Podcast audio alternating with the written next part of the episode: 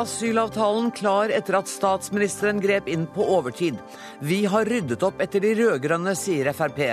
Nei, dette er videreføring av dagens politikk, svarer Arbeiderpartiet.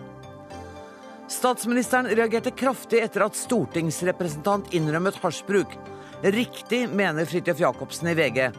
Overreaksjon, svarer Arne Strand i Dagsavisen. Profilert politileder siktet for grov korrupsjon. Grafsete av pressen å identifisere ham så tidlig, mener forsvarsadvokat. Offentligheten har krav på å få vite om det, svarer VG.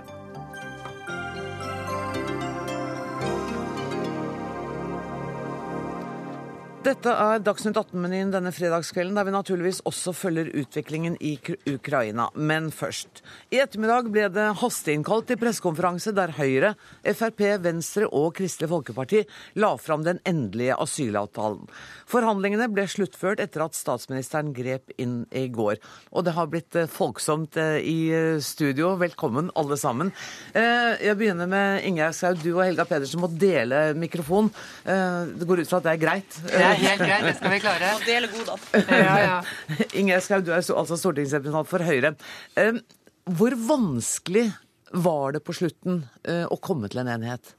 Ja, det, jeg har ikke lagt skjul på at det har vært eh, krevende forhandlinger eh, hele tiden, men det har vært en veldig god tone, og det har vært konstruktivt hele veien. Men jeg tror nok noen, meg selv inkludert, hadde håpet at vi hadde vært ferdig før jul.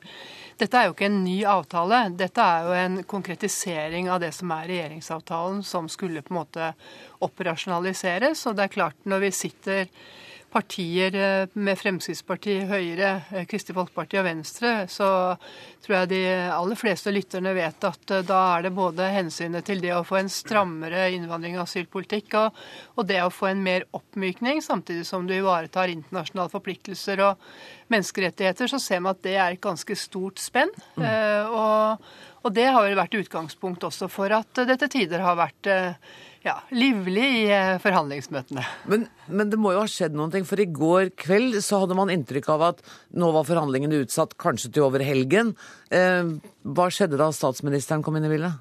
Nei, nå har jo alle partiene hatt eh, sine gruppemøter i løpet av onsdagen, og det var noen formuleringer som vi måtte se på. og I tillegg så hadde vi behov for også å løfte dette parlamentarisk nivå, fordi det, det er noe med at grunnlaget som er lagt i eh, regjeringsplattformen, er jo slik at man hele tiden skal bygge videre på den tilliten, åpenheten, romsligheten, om at når, når det først oppstår noe som helst av uenigheter, så, så, er man også Og det kan det fortsatt gjøre etter at høringen er over, og at måte, dette kan, skal konkretiseres ytterligere så kan det jo oppstå situasjoner hvor man er nødt til å gå tilbake til denne konsultasjonsordningen hvor regjeringspartiene, altså Høyre og Fremskrittspartiet, alltid forplikter seg til å gå til eh, Venstre og Kristelig Folkeparti for å eh, følge opp det som ligger der. Geir Jørgen Bekkevold, stortingsrepresentant for Kristelig Folkeparti. Hva var det viktigste å få gjennomslag for, for dere i denne avtalen? Eh, det er helt opplagt at en varig eh, ordning, god ordning for asylbarna eh, var én viktig sak for oss. Og det har dere fått til, syns du? Ja, altså jeg mener at den forskriftsendringen som kommer nå, den, er, den klargjør mye mer at hensyn til barns beste skal veie tyngre enn det gjør i dag. Tyngre enn asylregulerende hensyn? Enn hensyn, ja. Innvandringsregulerende ja. hensyn, som det heter på vanskelig norsk. Men, ja. men, men nettopp det. Eh, å få til dette her sånn, og det har vært viktig for oss å få til dette i forskriftsform. Altså Det holder ikke å sende signaler eller rundskriv, dette må inn i lovverket. Og, og jeg er veldig glad for at vi har fått dette på plass. Eh, så skal dette ut på høring, og i høringsnotatet så er det nettopp denne intensjonen om at barns beste skal bli tatt bedre vare på enn i dag. Mm. Det går fram i høringsskrivet. og så vil vi få tilbakemeldinger på dette her. Skulle det være noen huller, så har alle fire partiene forplikta seg til å sette oss ned. Ingjerd Schou akkurat sa. Ja, og eh, finne løsning. Ja. Det som dere ikke har vært så hissige på, er å gjøre innstramningsdelen av det. Eh, hvor mye har dere ofra her? Nei, Det er klart at vi har vært nødt til å gi, vi også. Eh, sånn er det når fire partier, og særlig partier som har stått langt fra hverandre i innvandringspolitikken, skal prøve å komme fram til en enighet. Så er det klart at innstramninger det har vi vært nødt til å gå med på. Men en av grunnene til at det har tatt litt tid, det er jo nettopp det å finne dette balansepunktet mellom, mellom innstramminger og, og, en mer liberal og human praksis innenfor asylfeltet. Mazyar Keshvari, du er stortingsrepresentant for Fremskrittspartiet. Hvilket punkt er du mest fornøyd med? Jeg er mest fornøyd med helheten. Fordi at vi har sett at det er mangel på helhetlig tankegang når det kommer til dette området, som har gitt ganske store utfordringer til det norske samfunnet eh, når det kommer til innvandring, asyl- og integreringspolitikken. Det har hatt veldig urimelige utslag f.eks. For, for enkelte barnefamilier.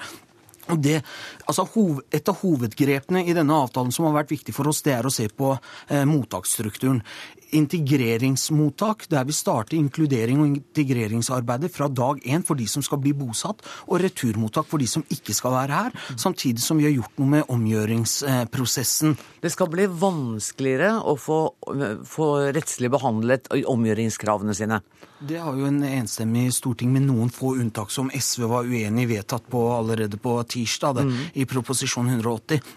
Det som er viktig her, er at vi hindrer at eh, folk kommer i den situasjonen eh, de har vært eh, hittil, nemlig at de kan omgjøre og omgjøre og omgjøre og bli her i evig tid. Når du får avslag nå, så skal du plasseres på et, på et returmottak. Enkelte av disse returmottakene der det er fare for at man unndrar seg utkastelse osv., skal jo ha høyere sikkerhet, 500 plasser der, eh, slik at man ikke kommer opp i den situasjonen. Og så er det jo store seire for Fremskrittspartiet på det som går på med lukka mottak, 24 års aldersgrense osv., som vi har vært helt alene om i mange år.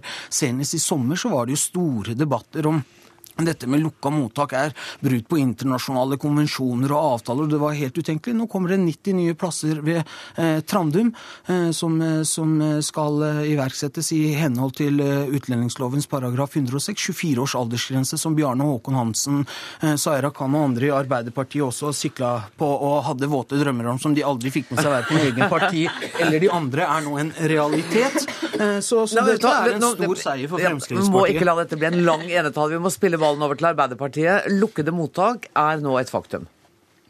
Vel, Trondheim, Trondheim var det faktisk den rød-grønne regjeringa som bygga. Og det er klart at eh, vi er jo for å bygge ut kapasiteten der, forutsatt at det er behov for eh, kapasiteten. Og eh, Mitt hovedinntrykk etter å ha studert avtalen i ettermiddag, er jo at avtalen er en videreføring av gjeldende innvandringspolitikk som har hatt bred tilslutning i Stortinget gjennom mange år. Her er enkelte justeringer som vi selvfølgelig skal gå nøye gjennom i tida som kommer, men i all hovedsak så er det her en videreføring, og at det nå er enda bredere tilslutning tilslutning til gjeldende innvandringspolitikk. Men Hvis vi tar bare et bitte lite punkt, Helga Pedersen. Eh, for du sier at det er en videreføring. Men når det gjelder eh, asylbarna, eh, så står det jo nå at nå skal det tas større hensyn til barnets beste Jo. Det står vel ikke at man skal ta større hensyn? Jo, det står det. Høringsutkastet gjør det klart at intensjonen i endringen er at barns beste tillegges større vekt enn i dag. Det er da en endring? Vel, Det som er politikken i dag, er jo at barns beste skal vurderes i alle saker. Og har tapt i en del saker. Ja, og det, sånn kommer det jo fortsatt til å være. Sånn som jeg oppfatter avtalen, så tar man jo nå inn i forskrift det som er eh, gjeldende politikk. Og i den nye forskriften som står i avtalen, så har jeg vanskelig for å se hva som er nytt der i forhold til det som har vært politikken frem til i dag. Vi lar begge kritikerne slippe til før eh, det voldsomme, en fornøyde panelet skal få lov å fortsette. Heike Holmås, hva er din største innvending mot uh, denne konkretiseringen av avtalen som vi har sett i dag? Jeg kan ikke si først hva det er jeg syns er best med avtalen. Ja, ok da. For jeg, for jeg syns det beste eh, er at det er flere barn som kommer til å få bli. For vi i SV er glad for hver eneste asylbarn som har vært lenge i Norge, som kommer til å få bli. Og det kommer til å være en del flere barn som får opphold pga. denne avtalen og den engangsordningen som regjeringen gjennomfører. Dessverre så får vi ikke løst problemet for de ungene som har vært her lenge. Det kommer fortsatt til å være 500 barn antagelig som, kommer, som har sittet lenge i norske asylmottak, og som kommer til å fortsette å sitte der fordi de ikke får opphold. Fordi at løsningen på det problemet den får vi ikke før den dagen vi sier at hensynet til barnas beste skal veie høyere enn innvandringspolitiske hensyn. Og der er, det, eh, der er det sånn at denne avtalen har ikke løst det problemet. Derfor kommer vi til å fortsette å ha det. Og der vil jeg sitere det Trude Drevland i Bergen, ordfører i Bergen, sa, nemlig at behandlingen av asylbarn i Norge er en skam. Ja, men, men, der er jo dere helt alene om å skulle ha det som et prinsipp. Dere fikk jo ikke gjennomslag for det i den forrige regjeringa heller. Da var det også sånn at eh, innvandringsbegrensende tiltak var viktigere enn hensynet til barnet. Det er riktig. Selv om vi styrket barnets beste og 1000 flere barn fikk bli som følge av de praksisendringene vi gjorde. Og her har jeg en helt konkret utfordring til regjeringspartiene. Fordi at når vi gjennomførte de endringene vi gjorde i 2007, der det var flere barn som fikk bli, da stilte vi alle sakene til de barna som hadde vært her lenge, i bero. Og så sa vi Ingen unger skal få behandlet sakene sine før de nye reglene er på plass. Det står det foreløpig ingenting om i avtalen. Og det er ganske avgjørende for å skape en trygghet for alle de ungene som faktisk har vært her lenge, og som vil komme til å forbli som følge av de forskriftsendringene som dere nå legger opp til. Kommer ungene, sakene til ungene til å bli stilt i bero, sånn at unger som skal forbli etter de nye reglene, faktisk får behandlet sakene sine. Hvem av dere vil svare på det? Det er et helt konkret spørsmål som det går an å svare kort på. Det har vi ikke fått gjennomslag for. Det, det, har vi ikke. Og det, eh, det høres ut som du, det beklager du? Dette har jo også vært eh, noe KrF har løftet opp den gangen SV satt i regjering. Eh, og, og heller ikke da fikk vi gjennomslag for å stille sakene i bero. Så dette, det, dette, er et poeng. Men det viktigste er at vi gjør denne regelendringen, at vi får denne forskriften på plass. Så har jeg lyst til å si til Heikki Holmås at det som den forrige regjeringen, som SV var en del av, gjorde, det var å sende signaler og noen rundskriv til, til departementet. Vi gjør en forskriftsendring. Og dette er noe som en forvaltning i langt større grad forplikter seg til å forholde seg til og skape endringer ut ifra, enn bare rundskriv og signaler. Men det er ikke, men, riktig, det, men det er ikke riktig det han sier. Nei, okay. Geir Jørgen, altså, vi endret forskriften i 2008 og fikk inn den, for, eh, den helt konkrete formuleringen som sier at barns, barns beste. Ja, men, men det var den rød-grønne regjeringen ja, som gjorde det. Og så vil jeg bare, bare få lov til å presisere at den forskriftsendringen som kom den gangen, det var det faktisk Kristelig Folkeparti som tok initiativ ja, til. Og den der kampen om hvem som har gjort mest riktig, det er noe så. Men jeg, jeg må bare spørre om det. Det er mulig at dette blir litt teknisk teknisk. Men har jeg oppfattet det riktig hvis det er sånn at for at asylbarna skal få opphold, så må de komme fra et land med returavtale, og søknaden må være registrert før returavtalen trådte i kraft. Er det riktig oppfattet? Det som du, eh, programleder, nå refererer til, det er denne engangsløsningen. Ja. Uh, og den ligger der. Og den har ikke vært gjenstand til veldig mye sånn debatt okay. mellom oss som har sittet og forhandlet nå, for det er noe som ble fremforhandlet i september i fjor. Nettopp. Men det er helt riktig. Den engangsløsningen den ligger der sånn som den er. Og, og hvor, mange, hvor mange barn som kommer til å bli um, Som den får konsekvenser for, det er jeg litt usikker på. Jeg har hørt noe mellom 150 og 190 barn.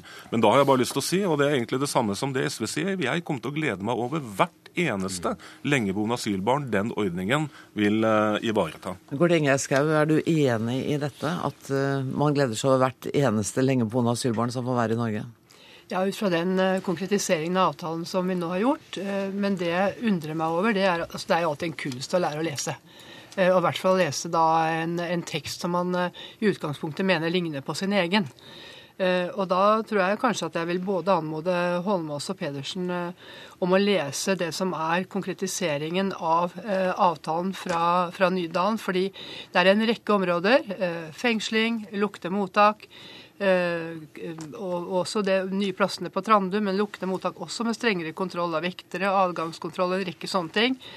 Og det er oppmykning i forhold til dette med barnefaglige hensyn. Det skal ut på høring, det skal forskriftsfestes. Eh, og det å si at eh, dette ikke er liksom noe annet enn det vi drev med når vi satt i regjering, da tror jeg at eh, man må ta en leseøvelse til. Fordi dette er en historisk endring av både noe som blir strammere, og noe som blir mykere, og de internasjonale forpliktelsene, de ligger der. Pedersen?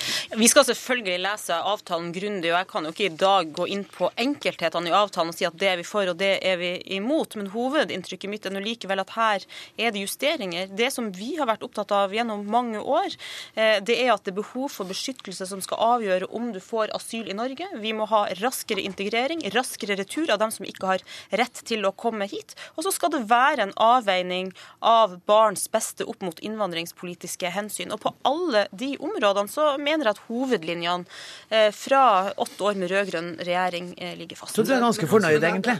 Ja, jeg er, veld, jeg, er veldig, jeg er, veldig glad, for at det nå er enda bredere enighet om hovedlinjene i innvandringspolitikken. La henne få snakke ferdig. Vær så god. Det, det, som er saken, er at Helga Pedersen jukser, og det vet hun selv, at, vi, at, de har gjort noe med dette som går på inkludering og integrering for de som skal være her, og raskere eh, retur. Hovedgrepet her, som jeg sa innledningsvis, dette med mottaksstruktur, det er ikke noe den rød-grønne regjeringa har gjort, det er noe som kommer på plass. Når vi snakker om barna som har vært her lenge, en av årsakene til det, og noe som vi må gjøre for at barn ikke kommer i den situasjonen, det er jo ikke å gi amnesti til de som bryter norsk lov lenge nok, slik Heikki Holmås tar til orde for, det er å sørge for at de som får avslag, de skal ut av landet. Da kan ikke de gå her og bo her år etter år Nei, etter år sagt, og få er... bruke det. Men, og det er det vi gjør. Det, derfor, skal, derfor, skal, vi ha de på returmottak og få de ut av landet, slik at det ikke er flere som kommer i den situasjonen. Det er den store forskjellen på denne regjeringen og det Heikki Holmås tar til orde for, som ville skapt disse problemene i overskuelig framtid. Kommentar fra Bekkevold før Heikki Holmås. Ja, bare prøve å rydde opp en liten misforståelse. altså dette returmottaket som man snakker om med noe høyere sikkerhet, det er ikke det samme som et lukket mottak. Bare sånn at Det er sagt. Det er et, et mottak der det er noe større grad av meldeplikt, eller at man er på en måte blir pålagt å bo der. Men det er altså ikke, det er ikke, lukket, det er ikke et fengsel. Og det er hjemla en helt annen lov mm. enn det eh, som f.eks. Trandum, som er eh, et fengsel, er. Nyttig presisering. Det må vi ha klart for oss. Et, et, grunnleggende prinsipp i eh, norsk politikk har vært av at barn ikke skal gjøres ansvarlig for sine foreldre sine valg. Og det er det prinsippet vi legger til grunn når vi sier at unger som har sittet lenge på asylmottak fordi foreldrene deres har valgt å la være å dra ut av landet, de skal ikke lide for det, men de bør ha en trygg løsning. Det får vi dessverre ikke til nå. Men heller. Si, nå nei, heller. Nå heller, for du fikk nei, det, ikke til sist heller. Nei, det er helt riktig. Nei. Det er helt riktig. Og her har vi, men det her, nei, det er vi Kristelig Folkeparti ja. og Venstre som har stått på for dette. Mm, ja. eh, og det har vi ikke flertall for, selv om vi har ganske breie lager, både Høyres ordførere i Bergen og andre steder, med oss på laget. Men jeg skal si én ting som er det mest oppsiktsvekkende. Det mest oppsiktsvekkende med denne avtalen det er at Fremskrittspartiet i regjering ikke har fått gjennomslag for at én eneste færre asylsøkere får opphold i Norge. Det de derimot får til, det er å gjøre det mye vanskeligere å få ektefelle fra utlandet. Inntektsgrensen skal gå opp. Du må nå tjene 300 000 kroner for å få ektefelle fra utlandet. 297 ja, ja, ok, 297 000 eh, istedenfor 300 000 kroner. Du må lese riktig. Ja, ja, det er Du må lære å lese. Jeg kan lese, og jeg tror at folk flest er enig i at 297 000 kroner og noen hundrelapper omtrent det samme som 300 000. Og det andre er at de innfører denne 24-årsgrensen, og de gjør det vanskeligere å bli integrert i Norge gjennom at du hever eh, all lengden du er nødt for å bo i Norge. Gjør noe. Det mener jeg vi har 20 sekunder igjen av dette. Nå er det Bekkevold først. Bekkevold skal få lov å få Som vi ikke fikk uh, mulighet til å få gjennomslag for med de rød-grønne, og det er at dette balanseres opp mot at forvaltningen får mer rom for skjønn. Nettopp. Fordi at, vi, må ikke glemme, vi må ikke glemme at både firekjørsregelen og, og, og underholdskravet det er et ledd i kampen mot tvangsekteskap. Og at man selvfølgelig skal kunne klare å forsørge seg selv. Men her, her, gis det mulighet for, for, unntak der det er opplagt at man ikke er utsatt for tvangsekteskap. Og En av de mange tingene vi ikke har snakket om i dag, det er retningslinjene for hvordan dette skjønnet skal brukes. og Det må vi komme tilbake til en annen gang. Jeg må ønske dere alle en strålende fredag. Tusen takk for at dere kom til Dagsnytt 18. Ingjerd Schou, Heikki Holmås, Geir Jørgen Bekkevold, Helga Pedersen og Mazyar Keshvari. Inn i studio nå kommer eh, Lars Nehru Sand. Eh, jeg håpet at det kom en til. Ja, der kommer han. Fridtjof Jacobsen. To politiske kommentatorer henholdsvis fra NRK og fra VG. Begynner med deg, Lars Nehru Sand. Det er vanskelig for meg å vurdere hvem det er som har grunn til å være mest fornøyd. Hun satt nok ikke her for det, Erna Solberg, som eh, forsikra husfreden. Hun får testa at dette avtaleinstituttet, som var hennes oppfinnelse første gang vi prøver i norsk politikk, at det lever. Det holdt på å rakne i går kveld. Men hun har nå fått eh, holdt på å si, reforhandla tilliten til å være at eh, også det som ikke står i avtalen, skal man bli konsultert om, som det heter. Uh, og det at uh, Jeg tror Erna Solberg i hvert fall, for å si det sånn, har større grunn til å være fornøyd enn både asylbarna og Christian Tybring-Gjedde. Ja, for eh, Fremskrittspartiet var jo ikke så interessert i å ha denne eh, forpliktelsen til å konsultere samarbeidspartnerne hele tiden. Nei, men det de har fått, er en formaning om å fortsette å konsultere.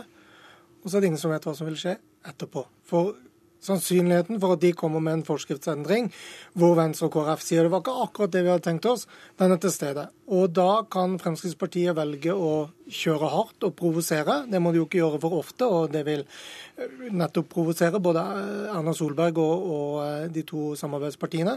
Men så er det fortsatt sånn at en del forskriftsendringer kan Anders Anundsen gjøre, fordi han er statsråd og styrer et departement. Så han må finne en balansegang for hvor mye han kan styre selv uten at det provoserer for mye, men samtidig styrer selv i kraft av å være en Frp-statsråd som skal levere Frp-politikk. Så det er en litt skjør eh, enighet vi har sett i dag? Det er en, enig, det er en solid enighet rundt 25 okay. punkt som er operasjonalisert. Og enigheten rundt resten tror jeg vi vil komme tilbake til i dette studio og i stortingssalen og i forhandlinger i de tre og et halvt årene som gjenstår av stortingsperioden.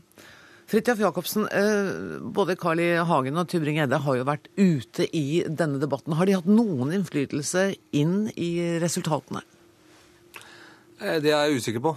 Tviler litt på det. Jeg, jeg tror uh, Tybring-Gjedde er i ferd med å bli en, så vidt jeg forstår, en ekstremt perifer type i Frp, som få hører på.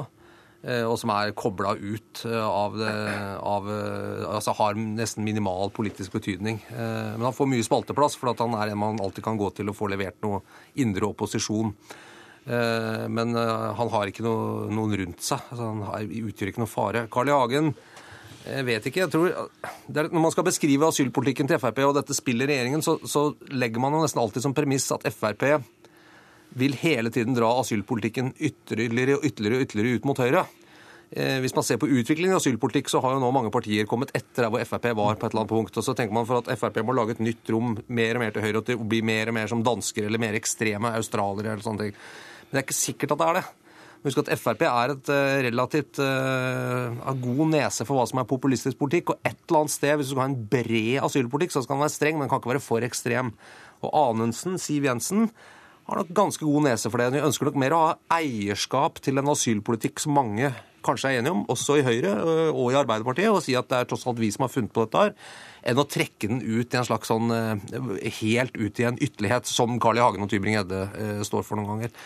Derfor så tror jeg man ikke skal hele tiden tenke at at Frp er liksom kun lukkede mottak og helt sånn ha den strengeste asylpolitikken i verden. Jeg tror ikke om det er helt er Frp-politikk, selv om selv om det, det, er det som ligger under her, at Carl I. Hagen og Tybring-Gjedde på en måte står for den ekte Frp-asylpolitikken. Jeg er ikke sikker på om de gjør det.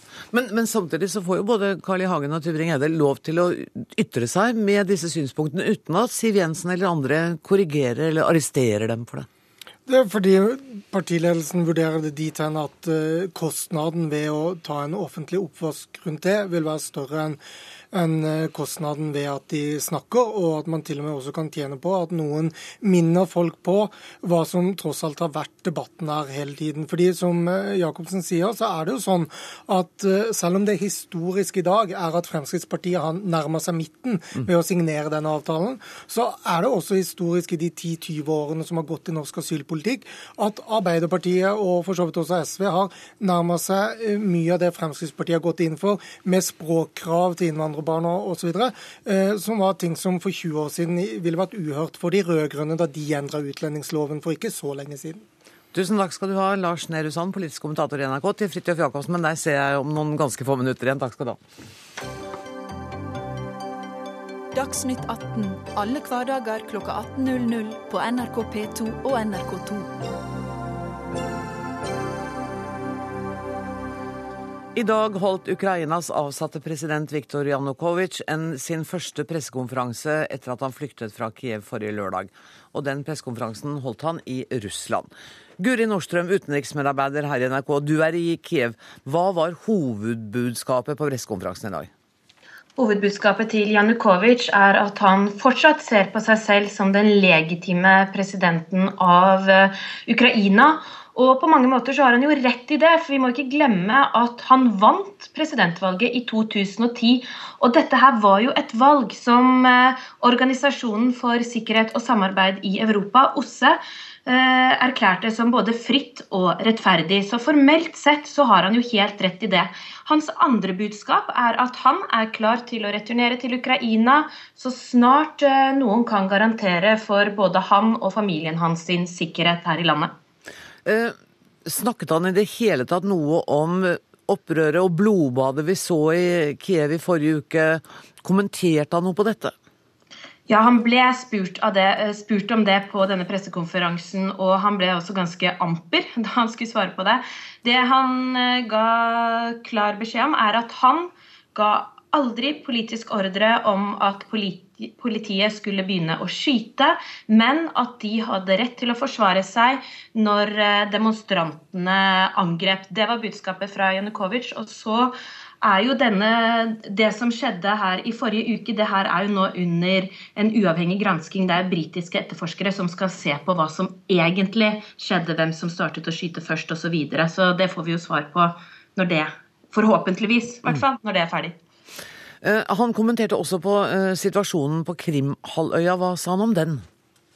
Det han sa om det, er når det gjelder demonstrasjonene på Krim, så sier han at dette her var, er helt naturlige svar. Eh, at etniske russere begynte å demonstrere der mot denne regjeringen som nå er innsatt her i, i Kiev. At det er helt naturlig at de protesterer eh, mot det. Dette er jo også, Denne midlertidige regjeringen her i Kiev er jo også en, eh, en regjering som Janukovitsj selv overhodet ikke vil anerkjenne. Og så sa han videre at han har ingen informasjon om at russiske russisk militære skal være i aksjon på Krimhalvøya nå. Og han sa også at han aldri vil be om russisk militærhjelp for å få løst denne situasjonen. Tusen takk for at du var med i Dagsnytt 18, Guri Nordstrøm fra Kiev. Palle Ydstebø, oberstløytnant ved Forsvarets stabsskole. Vet vi noe om hvorvidt russiske fartøyer er i aksjon utenfor Krim nå? Eh, nei, ikke mer enn det som kommer på media. Og altså, Sebastopol er jo Russlands eh, svart, altså, basen for russiske svartehavsflåten. Eh, det som er meldt, som jeg har sett på media, bl.a. svensk TV har jo fått inn rapporter ned på Krim og sånt, det er jo det at uh, russerne driver, har etablert en del ekstra vakthold og sikring på egen, egne installasjoner. og Det er jo, det er jo helt naturlig. Mm. Uh, så er det en del som tolker de, en del av de tiltakene der til kanskje å gå litt lenger ut enn det som, uh, som en sivile vil se på som forsvarlig. Så Det er en del av den spenninga der. Og der er hevda og blitt observert både pansra kjøretøyer som har kjørt mot mot hovedstaden, og så snudd igjen. Der er meldt om helikopter, kamphelikopter, som fyg, russiske sådanne, som fyker over Krim. Uh, sånn at det er sånn et, uh, en hel masse meldinger, delvis bekreftet, delvis ubekreftet. Og det siste er jo at når det, reporterne fra svensk TV landa på, på flyplassen i hovedstaden, så var det en del bevæpna milit militærpersonell der som spaserte rolig og holdt vakt. Som ikke hadde noe nasjonalt kjennetegn på seg, og ikke svart på spørsmål annet enn at de sa de var ukrainere. da. Men de kan ha vært russere? De kan være hva som helst, egentlig. ja. Mm. Situasjonen er jo spent mellom Ukraina og Russland. Jeg bør vel nesten ikke engang spørre deg hvordan styrkeforholdet er mellom de to nasjonene? Ja, la oss si sånn, Den øvelsen som Russland nå sparker i gang, eh, den inneholder flere styrker enn det Ukraina totalt rår over som stående styrker. Og så har du da det kvalitetsforskjeller og treningsstandarder og slike ting. Så her er det stormakt og en, et lite land for alle praktiske formål. Vil du karakterisere situasjonen som tilspisset? Ikke militært, eh, politisk tilspissa. Eh, jeg tror ingen av de to landene har noen som helst intensjoner eller ser det tjent på å dra i gang en større militær konfrontasjon her. Jeg tror det vil se på, Spesielt på Krim, det er jo det som er viktig for Russland, er at de får sikra den, den, infrastrukturen de har. Og de har jo disse her leieavtalene på, på basene sine fram til 2042 eller der omkring. Sånn at Russland har legitime interesser ja. på, på Krimhalvøya? Definitivt. definitivt. Eh, og Krim er jo en autonom republikk òg. Eh, majoriteten av befolkningen er russere, etniske russere, hvis en skal bruke det. Uh, og, og, spesielt den militærstrategiske betydningen som Krim har, har, for Russland, er viktig her. Men gjør det også at Ukraina på en måte blir må forholde seg mer ydmykt til Russland og til uh, Russlands president, fordi man ser på både styrkeforholdet og Russlands legitime interesser på Krimhalvøya?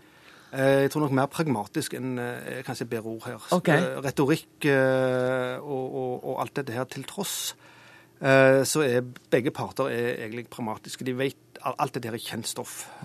Spenningene som er der, spilt i forhold til russere på Krim, og, og russernes genuine strategiske interesser på Krim, så er det snakk om å finne pragmatiske løsninger på dette. her. Og det er jo klart, Når du får en, den typen kan si, regjeringsbytte og presidenten nærmest eh, flykter landet, som du har sett nå der, så, så, så vil jo sånne ting fort eskalere opp. Altså, og, og, spesielt russerne vil nok uh, treffe nødvendige tiltak for å sikre uh, sine interesser og iallfall sin infrastruktur på, på Krim. da. Du, du, er enig i at situasjonen er tilspisset når det gjelder politiske, ja. men ikke det militære. Betyr det at du ser bort fra at dette kan akselerere til en væpnet konflikt? Ja, Det ser jeg som lite sannsynlig. Altså, ikke minst fordi de ikke vil tjene partene. Det er altså, Væpnet konflikt er ikke noe egnet middel til å løse opp i det som, som skjer der. I verste fall så kan du få enkelte hendelser som de forhåpentligvis klarer å holde under kontroll. Mm. Uh, det du nok kanskje vil se, det, det er den typen ting du, du, har nå fått en del meldinger om. At det er en del blir tatt, truffet en del tiltak for å, for å, å sikre det i hvert fall russerne mener er, er, er, er sine ting. da. Det siste, noe av det siste jeg hørte, var at det er jo meldt om eh, russiske kontrollposter på veiene inn til Krim. Det er jo kun noen få veier, hovedveier som går inn på Krim der. Det er igjen sånn type ubekreftede meldinger som kommer. og så en, en skal en uh, vurdere sånne meldinger, så må de vurderes i, i, i lys av hva type sikkerhetsbehov russerne sjøl mener de har i forhold til sine interesser på Krim. Det var alt om situasjonen mellom eh, Russland og Ukraina i denne omgang. Tusen takk skal du ha, oberstløytnant Palle Ytstebø ved Forsvarets stabsskole.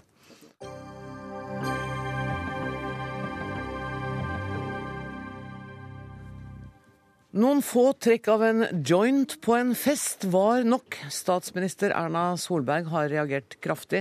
Høyre i Bergen og Hordaland kalte inn til krisemøte, og stortingspolitikeren trakk seg fra alle verv i partiet med umiddelbar virkning. Reaksjonene fra Høyre har vært knallharde etter at stortingsrepresentant Erik Skutle i går innrømmet å ha røkt narkotika. Sjefredaktør i Dagsavisen Arne Strand, du har sagt eh, i dag at eh, Høyre kanskje reagerte vel kraftig i denne saken? Ja, fordi Høyre like lite som uh, vi som sitter her, vet hva som egentlig har foregått. Hvis det er riktig at denne 24-åringen har uh, røkt en sigarett på et nachspiel, så syns jeg at den reaksjonen han nå utsettes for, ikke står i forhold til, eh, til, det han har gjort. Det er ulovlig å røyke hasj i Norge. Det er ulovlig å kjøpe det. Og stortingsrepresentanter skal selvfølgelig ikke eh, bryte mot norsk lov. Særlig ikke fordi det er Stortinget som gir lovene. Men jeg syns dette er sterkt. Og de kunne nok, tror jeg, ha ventet litt og undersøkt saken nærmere Høyre før de slo så kraftig til. Mm. Vi har selvfølgelig også invitert Høyre til Dagsnytt 18 i dag, men de hadde ikke ønsket å si noe mer om denne saken. Fridtjof Jacobsen, velkommen tilbake. Um, du mener at det var riktig av Høyre å reagere sånn? Jeg mener at det er en bagatell å røyke hasj. Jeg tror egentlig også at jeg mener at eh, det er latterlig at, eh, at man skal kunne forfølges av politiet og straffes for det. Eh, bare så det er klart. Eh, jeg tror også sånn at det å ha røykt hasj det er ikke noe hinder for å ha politisk karriere i Norge. Men så tenker jeg allikevel at eh, når Høyre har gjort det veldig klart, det husker vi fra Warloe-saken, altså en tidligere stortingsrepresentant, at hvis du er stortingsrepresentant for Høyre eller har mer sentrale verv i Høyre, så må du holde deg til norsk lov, og spesielt når det gjelder narkotika. Det visste Skutle. Eh, og så ga han blaffen i det, eh, og da mener jeg det er naturlig at det får en konsekvens. Mm. Jeg, jeg syns konsekvensen og reaksjonen, at han må ut av sine sentrale verv osv. Han blir jo sittende på Stortinget, det må vi huske. Men at man sier fra seg sentrale verv, det syns jeg er greit. All sånn moralsk fordømmelse og at de har stablet en masse pressekonferanser oppå hverandre, og pressemeldingene kom i et merrasig i tolv timer det er kanskje litt mye. Hadde kanskje holdt med én. Helleland eh, kanskje, og så kunne han si noe selv, og så er vi ferdig med det. Men jeg syns det er greit at det skal få en reaksjon hvis du gjør noe du ikke skal gjøre. Ja. Det er ingen som er uenig i det at det skal ha en reaksjon, og det er alvorlig at stortingsrepresentanter bryter norsk lov. Men også for stortingsrepresentanter må det være litt rimelighet. Det man har gjort, må, må, altså, det man straffes for, må stå i forhold til det man har gjort. Eh, regjeringen Solberg, Erna Solberg har utnevnt til statssekretær i Samferdselsdepartementet en mann som forbrøt seg mot sexkjøpsloven. For ikke så veldig lenge siden han ble gjenvalgt i Stortinget, og han er utnevnt av Kongen i statsråd, så det må være også uh, litt sånn likhet for loven, selv, selv, for uh, politikere. Ja, men, men, jeg skjønner, men, altså, jeg, skjønner Høyre, bare si, Fred, jeg skjønner Høyres problem, fordi de har hatt en slik sak tidligere fra Bergen. Mm. Øh, og, og, har laget et regelverk som er firkantet, og så må de da slå til. Men denne reaksjonen fra parlamentarisk leder til statsminister i full offentlighet, før de egentlig vet hva som er foregått, den syns jeg er i overkant. Gutten er 24 år, han er et politisk talent. Han er sannsynligvis nå livsvarig dømt fra politikk i Norge. Nei, Det tror jeg ikke han er. Jeg tror jeg er feil, og det tror jeg tilfellet Bård Hoksrud viser det samme. Da Bård Hoksrud eh, ble tatt for sexkjøp i Riga, så måtte han ut av FrPs sentralstyre, måtte ut av partiets formelle ting. Han fikk fortsette som stortingsrepresentant. Det kommer også Skutle til å gjøre. Eh, fordi man kan ikke bli kastet som stortingsrepresentant. Så måtte han gå tilbake til sitt eget parti, se om han hadde den nødvendige tillit på tross av det han har gjort, til å komme på nominasjonslisten, til å bli gjenvalgt, til å få verv. Ja, det hadde han. Så var han tilbake. Jeg tror det samme kan skje med Skutle. Det er naturlig at du får en reaksjon nå. Han må begynne på null, på en måte. Men hvis han ønsker å bygge seg opp igjen med det han har gjort, så tror jeg ikke noe står i veien for det. Men det er viktig at reaksjonen kommer fra et parti som styrer Norge. Men ville reaksjonen vært like sterk om uh, han var blitt tatt i å kjøre i 70 i 50 km-sonen? Ja, jo, men ja. det er den samme, det samme på en måte strafferammen. Det, det, er en bot, det òg. Det er minst like farlig. Ja, det er, det er jo, Drikke hjemmebrent, altså. Det er ikke den samme, altså, det er litt forskjellig å kjøre 70 i 50-sonen, men kjøre 170 Eh, på motorveien f.eks. er det mer alvorlig. Men, men hva, med, hva med, svart, ja, ja, med svart arbeid f.eks.? Ja. En relativt mild forseelse, kan man si. Ja. Jeg tror ikke at man kan ha folk på toppnivå i norsk politikk, f.eks. som nestleder i et fylkeslag, som stortingsrepresentanter fra store fylkesland, eh, og ha betydelig verv eh, hvis de eh, eh, kjøper svart arbeid mens de sitter på Stortinget. Det tror jeg ikke. Nei, det, det er helt sikkert. Er du enig i det? Jo, jeg er enig i det. Hadde det vært Erna Solberg som hadde blitt tatt for å røykt hasj, så hadde hun vært ferdig som statsminister. Men det er altså forskjell på en uh, nybegynner, en 24-åring, i et miljø som dessuten politisk mener at du skal ha en mye mer liberal uh, narkotikapolitikk. Det har han jo argumentert for.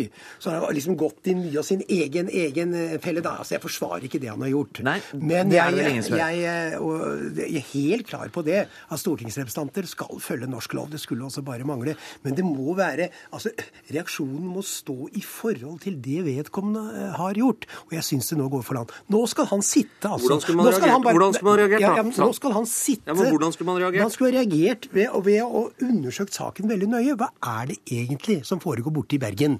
Det er jo et ungdomsmiljø der som har rota seg opp i veldig mye. Er han en kriminell i ordets egentlige forstand? Har han vært med i det som nå rulles opp, eller ikke? Før man vet det, Altså, Du er jo uskyldig til det motsatte er bevist, selv, for, selv en politiker. Men Der er dere jo nesten enige. for det, du Jakobsen, syns også at det var noe voldsomt til publisitet. Og... Ja, men han har jo innrømmet å ha gjort det. Ja, altså, Det er ikke så vanskelig på et nachspiel å la være å røyke hasj. Hvis du vet at ok, nå sitter jeg på Stortinget, jeg hadde et liv før dette, da kunne jeg røyke hasj så mye jeg ville.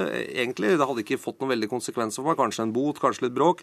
Nå har jeg kommet inn på Stortinget, jeg er vararepresentant for Erna Solberg. Jeg vil gjøre en politisk karriere. Et av ofrene jeg da må gjøre, det er at eh, jeg kan ikke lenger bruke svart maler hvis jeg skal pusse opp noe hjemme. Jeg må ikke kjøre gris eller for fort eller kjøre etter et par glass eller gamble på den promillelinjen. Jeg kan ikke røyke hasj. Så enkelt er det. For, og ikke drikke hjemmebrent. Eller kjøpe sex i Riga. Ikke sant? Det er, det er mange, det er mange ting. Sånn, ja. For 10 eller 15 år siden så hadde ikke det blitt noen sak i det hele tatt. Men det har skjedd noe i utviklingen i forhold til politikere. Vi stiller alle sammen, og pressen ikke minst, veldig mye strengere krav nå til politikers politikeres oppførsel enn det vi gjorde før i tiden. Og det skyldes jo at det har vært en del grove saker enkelte i Fremskrittspartiet at masse av dem. Også Arbeiderpartiet alle partier har vært rammet av en del stygge ting. Særlig når det gjelder voldtektssaker og den slags. Det har ført til at alle partier nå har utstyrt seg med et veldig stramt og firkantet uh, regelverk som gjør at alle blir tatt. Nesten uansett man ser altså ikke forskjell på folk lenger. Og man vurderer ikke forbrytelsene på samme måte som man kanskje bør gjøre. Og som man ville gjort iallfall i en rettssal. Men du har sagt at han nå er dømt til fire år i Stortinget. Ja, ja, ja, det, er ikke en straff det, å sitte på Stortinget? Nei, altså, jeg antar at han helst ville ut av det også.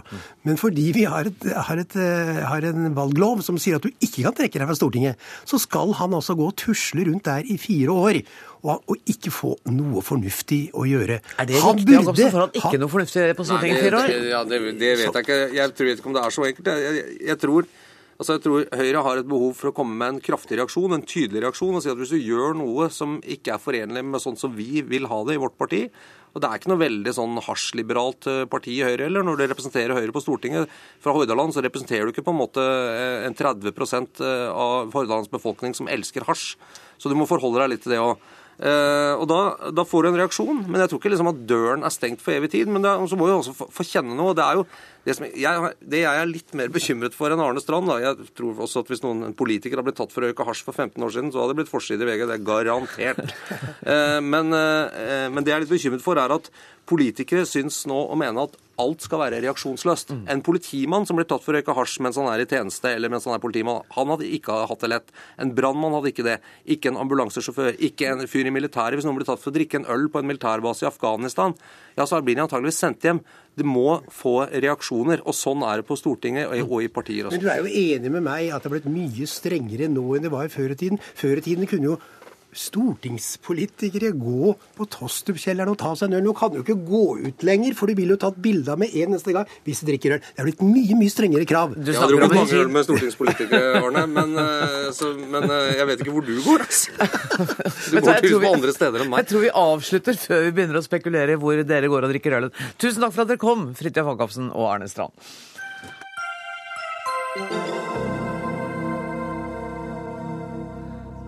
Debatten rundt identifiseringen av den profilerte politilederen som er siktet for grov korrupsjon, har rast den siste tiden. Mange mener det var unødvendig å identifisere Eirik Jensen med navn og bilde, mens andre mener at det var det eneste riktige å gjøre. Forsvarsadvokat Mette Yvonne Larsen, du er kritisk til at flere medier, blant andre VG, gikk tidlig ut og identifiserte ham. Eh, hva er din innvending? Altså, først vil jeg si at dette er en alvorlig sak. Og det er klart at hvis politiet bedriver korrupsjon, så faller litt av bunnen ut av hele strafferettssystemet vårt. Men likevel så tenker jeg at eh, når en person er sikta og sett på glattcelle, og man ikke engang har sett eh, kjennelsen og ikke kjenner innholdet, så er det ganske stor sjanse for at den saken blir henlagt. Det er mulig, i hvert fall. Og da tenker jeg at eh, det å identifisere en mann som ligger nede på den måten, det fremstår som unødvendig og helt urimelig. Når synes du det hadde vært rimelig? Bør man vente til det eventuelt er tatt ut en tiltale, da? Nei, det er ikke sikkert man skal vente så lenge når saken er så alvorlig og dette er en så profilert politimann. Men, men husk at uh, den personen sin livssituasjon eh, i det han er pågrepet og sett på glattcelle, er veldig belastende. Eh, og for hans familie å forholde seg til dette her, og i ettertid se disse oppslagene, og for han også, tenker jeg er en, en, en krevende situasjon for han. og jeg tenker at man må vente. Altså, Media kan jo slett ikke være sikre. De kan pådra seg store erstatningskrav nå og rettssaker fordi det viser at denne mannen er uskyldig. Men, men på den annen side, hvis han ikke hadde blitt identifisert, så ville det jo vært en fare for en mistenkeliggjøring av, et, av flere jo, men eh, Oslo politikammer er landets største politidistrikt. Det er mange politiledere, og det får man jo heller leve med, da, at andre føler seg mistenkeliggjort. Det er jo flere hensyn som trekker i hver sin retning, så jeg tenker at her må man vente og ha litt is i magen. Og jeg har ingen forståelse for VGs begrunnelse. Den har jeg lest nå når jeg var på vei opp hit. Og ingen forståelse for noen av punktene i den? Eh, nei, punktene i den, men det totale, den beslutninga de tok, den kan jeg ikke støtte. Og det blir hylekoret som da publiserer både VG, Aftenposten og Dagbladet Dagbladet er like god, og alle gjør det samme, og, og smør han utover forsida. Torry Pedersen, du er ansvarlig redaktør, administrerende direktør i VG og representant for Hylekoret uh, akkurat nå. Um, hva var begrunnelsen? Bare ta kort. Jeg har også lest begrunnelsen, men gjør det kort. Kort er jo at uh, denne personen er politimann. Uh, de er som en av få yrkesgrupper her i landet utstyrt med særlige privilegier. Det han er mistenkt for, er jo da å legge til rette rette for kriminalitet gjennom korrupsjon. Eh, og det går ikke an å være politimann og bli fengslet i fire uker på det grunnlaget uten at offentligheten skal ha innsyn i det. Eh, har du tenkt på at eh, dere kan bli stilt overfor store erstatningskrav dersom det nå skulle vise seg at saken enten legges vekk eller han blir eh, funnet uskyldig. Vi er veldig nøye da med å eh, fremholde hvor i straffesakskjeden denne saken står, og det står vel nærmest i hver eneste artikkel at han selv eh, benekter å ha hatt noe med de anklagene å gjøre. Jeg skal bare fortelle fort at eh, denne sendinga nå går ut av NRK2, så hvis du ser på TV, så kan du fortsette å høre oss på P2 eller se oss på nrk.no. Og da, Torre Pedersen, eh, skal du få lov å, fortsette. Eh, dere hadde dere en diskusjon rundt dette før dere gikk ut med navn? Ja, selvfølgelig. Men denne var sånn presseetisk, så var dette eh, ganske enkelt. Fordi det var en profilert politimann, og siktelsesgrunnlaget var grov korrupsjon. Da har eh, PFU utformet en prinsipputtalelse helt tilbake til 1993, hvor det står ganske klart og tydelig at i de situasjonene må man påregne identifisering sånn. Men det er jo fullt mulig å være uenig i det allikevel. Det, det er nå greit. Men kunne dere ikke ha venta et døgn eller to til det var til forsvareren hadde fått tid til å områ seg, til siktelsen var uh, blitt uh, gjort kjent for vedkommende? Eh, jo, siktelsen var vel gjort kjent for vedkommende. Nei, men, det var jo ikke det. Forsvareren har jo sagt at han kjente ikke siktelsen. Ja, men uh, Det er jo slik at grunnlaget der er grov korrupsjon. Det var kjent når vi publiserte navnet. Og at det var en politimann, det var, det, var, kjent. På, på, samme måte, skulle man ventet med å identifisere Arne Treholt det hadde gått noen dager? Det er på på det nivået vi, vi snakker da, i forhold til eventuell samfunnsskadelig virksomhet. Vi må prøve å ha dimensjonene klare. Ellers er jeg enig i prinsipielt at man skal være veldig forsiktig med å identifisere eh, i, tidlig i saker. Eh, men det er altså politimann, det er grov korrupsjon. Ja. Eh, jeg tror kanskje alle som har vært på tur i land hvor det er grov korrupsjon i politiet, har fått med seg at det ikke er noe å stå etter. Og så understreker jeg det er ikke avklart om det har funnet sted i dette tilfellet. Kjersti Løken Stavrum, generalsekretær i Norsk Presseforbund.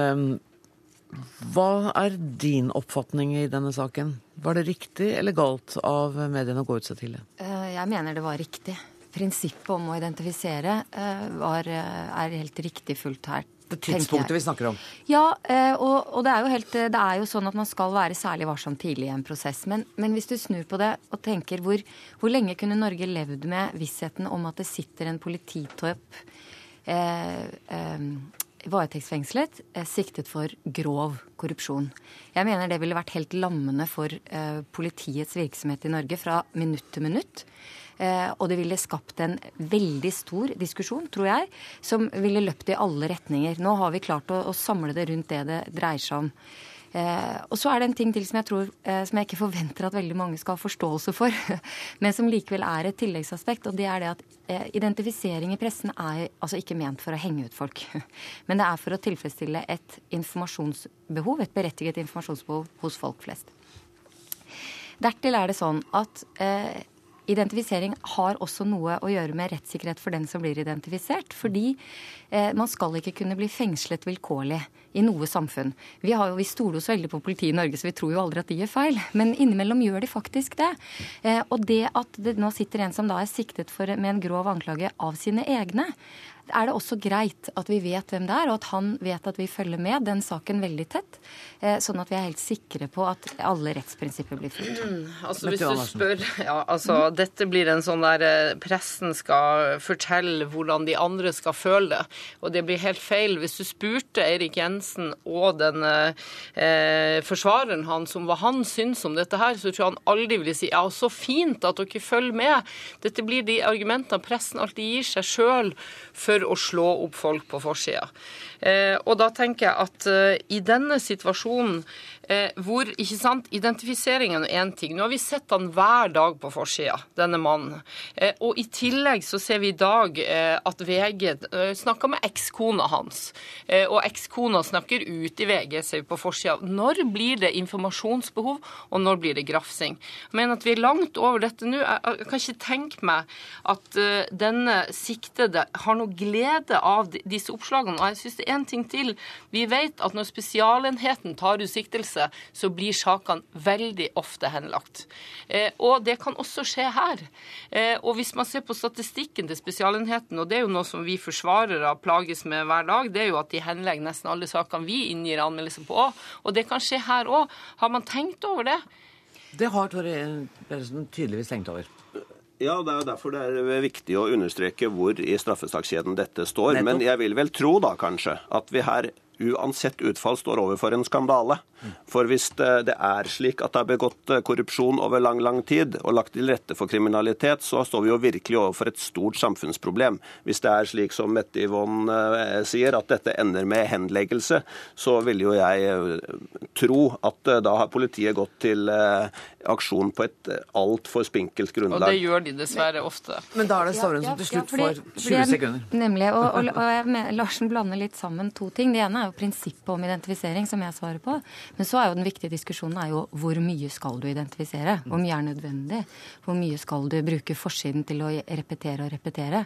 Det eh, kan jeg godt forstå at folk eh, sliter med. Og der er det kanskje rom for å ta en litt større diskusjon når det gjelder både omfanget, hyppigheten og bruken av bildene. Jeg må sette strek ved denne diskusjonen nå. Tusen takk for at dere kom, Mette Yvonne Larsen, Torry Pedersen og Kjersti Løken Stavrum.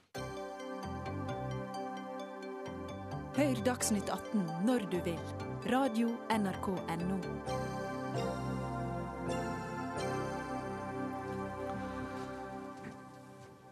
Helt til slutt i Dagsnytt 18 i dag skal det dreie seg om Venezuela. For landet opplever den sterkeste protestbølgen på et tiår, og minst 14 mennesker er drept og mange er skadd. Flere hundre tusen mennesker har demonstrert mot skyhøy kriminalitet, økende inflasjon og mangel på varer. Men det har også vært demonstrasjoner til støtte for den sosialistiske regjeringen. I Norge krangler nå høyre- og venstresida om hva som egentlig skjer i landet. Kristian Tonning Riise, prosjektmedarbeider i Civita. Eh, dere påstår at avisa Klassekampen ikke forstår hva som egentlig skjer i Venezuela. Hva er det de ikke har fått med seg? Jeg syns at dekningen kanskje føyer seg inn i en litt sånn revolusjonsromantisk og antiamerikanistisk tradisjon, hvor man har en tendens til å se litt gjennom fingrene på ganske åpenbare autoritære utviklingstrekk i selverklærte sosialistiske regimer, som, man, som jeg tror at man ellers ville, ville, sett ganske åpenbart. Jeg tror hvis det var, hvis det var i USA eller det var et land som, som venstresiden tradisjonelt ikke likte, som som fengslet opposisjonelle, som eh, slo ganske brutalt ned på, på protester, eh, som, eh, som bøtelegger opposisjonelle medier, som truer med å kaste ut utenlandske journalister osv., osv., så, så tror jeg at dekningen ville vært en, ville vært en ganske annen. Så jeg syns at man, at man Og i tillegg så, så i hvert fall langt på vei så indikerer man at dette her skulle være en sånn nærmest en sånn konspirasjon, og man trekker eh, paralleller til, til kuppet i Chile, og at her er det liksom USA som står bak, når det ganske åpenbart er en misnøye med et ganske vanstyrt politikk eh, som er årsaken til at folk er ute i gatene og demonstrerer. Johan Jean Mugaratnam, du er utenriksredaktør i Klassekampen. Er det en eh, rosemaling av et nokså brutalt eh, styresett dere driver med? Jeg syns det er helt greit med et kritisk blikk på, på Klassekampen og på Venezuela og, og, vår dekning av Venezuela spesifikt. Uh, det er en veldig alvorlig situasjon, og alle må være obs på at uh, dette kan eskalere. Uh, når det er sagt, så syns jeg at Civitas angrep på Klassekampens dekning i artikkel som het 'Sosialistisk fyrtårn?' spørsmålstegn, den er veldig unyansert. Den artikkelen som da opprinnelig sto i avisa om Venezuela, som Civita ville kritisere, den skrev jo da nettopp de tingene som du nevner misnøyen med eh, varemangel, eh, strømkutt, korrupsjon, kriminalitet og alt dette her. For dette er et faktum. Dette er, har folk til det dette landet. dette er uh, problemer i Venezuela som det er helt legitimt å protestere mot, og som folk da har demonstrert fredelig mot. Det som da skjedde, var at disse demonstrasjonene eskalerte og ble voldelige. Og der, der, ligger det en, en, fare. Og jeg har skrevet også at det er viktig at de drapene som har skjedd, blir oppklart, og at myndighetene faktisk etterforsker alle sakene. Eh, og så vidt jeg vet, så har sikkerhetstjenestens sjef eh, blitt fjernet, og flere agenter har blitt eh, fjernet. Men her er det selvfølgelig en lang vei å gå før disse tingene blir oppklart. Det er mye større åpenhet fra Klassekampens side enn du antydet at det ville være disse? Men det jeg syns det, det, dere går ganske langt i, er å, er å legge nærmest skylden på, på opposisjonen for, uh, for, volden. Dere skriver bl.a. om en hendelse hvor det var en, eh, en person på motorsykkel som ble drept av, uh, fordi han kjørte inn i et vaier. Og dere henviser til at, da, at demonstrantene, eller at, eller at opposisjonen da hadde hadde oppfordret folk til å, til å sette opp vaiere. Men så skriver dere jo ikke at bakgrunnen for det er jo at du har hatt motorsykkelgjenger som har kjørt rundt og skutt på folk og skutt på husene til folk, og at det var derfor man satte opp vaiere nettopp for å, for å, forhindre det. Så jeg er helt enig i at det er tragisk at en person som i utgangspunktet ikke var en del av det her, ble drept, men jeg mener at det er en ganske essensiell opplysning å ha med når man, når man skal referere den hendelsen. Så det er ett eksempel på at jeg syns dere pakker inn hendelsene i en litt sånn Eh, litt overkonspiratorisk eh, innpakning. Eirik Wold, du er frilansjournalist og forfatter. Du har bodd mye i Venezuela de siste årene, har skrevet bok om landet, har også møtt den tidligere presidenten Hugo Chávez. Eh, jeg skal ikke be deg være noen nøytral dommer, men nå har vi hørt liksom diskusjonen sånn som den går i Norge. Hvordan, opplev, hvordan vil du beskrive det som skjer i Venezuela nå, med opptøyene og uroen? Ja, eh, det, jo, det, er jo ikke noe nytt at det er opptøyer og protester mot Chávez-regjeringen i Venezuela. Det har det vært sammenhengende i 15 år under Chávez sitt styre. og det har faktisk vært, Nesten hvert eneste år har det vært demonstrasjoner med flere hundre tusen. Mye større enn de demonstrasjonene vi ser nå. Og, og, hvor ikke politiet har grepet inn. Faktisk så økte tallet på demonstrasjoner både for og imot regjeringen med 800% under Chávez. Og, og disse spesielt opposisjonsdemonstrasjonene har jo blitt dekket veldig entusiastisk av, av, internasjonale medier, så det er veldig lett å sjekke at de har faktisk ikke blitt hindret av politiet eller noe sånt noe. Så når dette her har eskalert og blitt voldelig, så er det, en hovedårsak til det.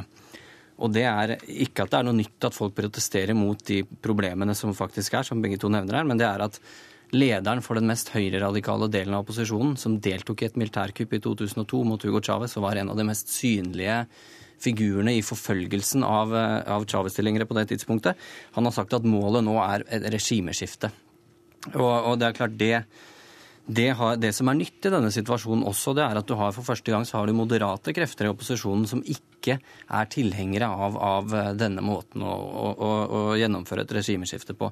Og litt av grunnen til det at Venezuela har hatt hele fire valg på bare de siste 18 månedene som har blitt eh, gjennomført med det systemet som USAs ekspresident Jimmy Carter kaller mest, et av verdens beste valgsystemer. Og, og, regjeringskoalisjonen har vunnet alle de med, med varierende margin, fra, fra, veldig liten margin i presidentvalget i fjor til ganske stor margin for bare to måneder siden. Så dette er ikke liksom en sånn majoritetsbevegelse som bare protesterer mot, eh, mot økonomiske problemer. Du har, en, en, du har, relativt små demonstrasjoner i Caracas som protesterer mot helt reelle problemer. Men så har du også en voldelig bevegelse som har tent, satt fyr på offentlige bygninger, som har angrepet politi med, med brannbomber og etc., etc. Og som har et åpent, altså både... har et åpent mål om regimeskifte. Så man velger bare hver sin del av virkeligheten. Så både Civita og Klassekampen har litt rett i sine beskrivelser av det som skjer. Det som jeg ikke er helt enig i, er at, at noen snakker om fyrtårn. Det mener jeg er en sånn stråmann som Civita har konstruert. For det fins ikke et eneste menneske i Norge som mener at, at Venezuela er noe, noe, paradis. Det man mener er at i motsetning til det Civita hevder, så har det faktisk vært 18 valg i Venezuela under Chávez. Og opposisjonen sitter på maktposisjoner på alle nivåer. Det har de gjort hele tiden, som ordførere, delstatsguvernører og i parlamentet parlamentet, og at dette her er ikke noe diktatur. og Grunnen til at Chávez har vunnet disse valgene, har vært de sosiale fremskrittene, først og fremst, som FN, det er et av de mest, eh, altså som FN-statistikken helt tydelig påpeker. Mm, da, må, da må kort. Ja, først vil jeg si at nei, Venezuela er ikke noe, noe, noe, diktatur, men det passer veldig godt inn i det som eh, Steven Levitsky og Lucan Way ville kalt et, eh, et konkurransedyktig autokrati, hvor du pakker inn mest mulig maktkonsentrasjon og pakker inn mest mulig maktmisbruk inn i en sånn tilforlatelig demokratisk eh, ramme, hvor du skaper ganske ujevne spilleregler som eh, øker regimets mulighet til å, til å vinne valg ganske betraktelig. Det syns jeg det er veldig, veldig, vanskelig å ikke innrømme at det er en ganske treffende beskrivelse på det venezuelanske samfunnet. Eh, grunnen til at jeg noen ganger betviler litt Civitas uh, ganske selektive interesse for Latin-Amerika og for så vidt ganske snevre engasjement, Eh, det er at f.eks. vi snakker om nyanser, og Tonje Grises bok om Venezuela heter da 'Diktator i forkledning', uten spørsmålstegn. Mm. Uh, og det er en ganske spesiell tittel på en bok. Uh, et, ja, men, ja, men Tonje Grise, det var et presidentvalg i april 2013. Vet du hvordan resultatet av det ble? Ja, var vel noen der, Opposisjonslederen fikk 49% av stemmene, ja, mm, og Maduro, da Chávez avtaket, fikk 50 Eh, og det var 80% valgdeltakelse. Det eneste jeg vil si er at Dette er ikke et veldig bra diktatur hvis det, hvis det, er det. Det er et veldig ineffektivt diktatur, hvis man skal kalle det det. Det ble siste ordet i denne sendinga. Tusen takk for at dere kom, Christian Tonning Riise, Eirik Wold og Johan Shan Garatnam. Denne Dagsnytt 18-uka er rett og slett over. og Ansvarlig for sendinga i dag var Ida Tune Øritsland. Det tekniske ansvaret har Hanne Lunås. Jeg heter Anne Grosvold og ønsker dere alle en god helg.